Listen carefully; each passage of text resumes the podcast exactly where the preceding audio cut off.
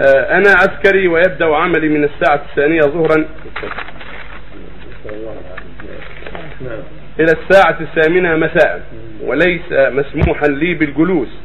فما رأي سماحتكم في صلاة العصر والمغرب؟ أنا عسكري ويبدأ عملي من الساعة الثانية ظهرا إلى الساعة الثامنة مساء وليس أو غير مسموح لي بالجلوس. فما رأيكم في صلاة العصر والمغرب؟ صليها وأنت في حراسة حراست عليك أن تصلي العصر والمغرب وأنت في حراسة وليست الحراسة تمنع من ذلك. فالنبي صلى الله عليه وسلم كان يتخذ حراس ويصلون. تصلي في مكانك وأنت في محلك تصلي العصر وصلي المغرب وأبشر بالخير. أبشر لا مو الذي يريد البلاء وأنت تصلي. سوف يعينك الله. ما شاء الله. وإذا رأيت من يريد الشر تقطع الصلاة. وأمسكه إذا رأيت شيئا. أنت معذور إذا رأيت شيئا يريبك تقطع الصلاة ثم ارجع إليها وأقيمها مرة أخرى. نسأل الله السلامة.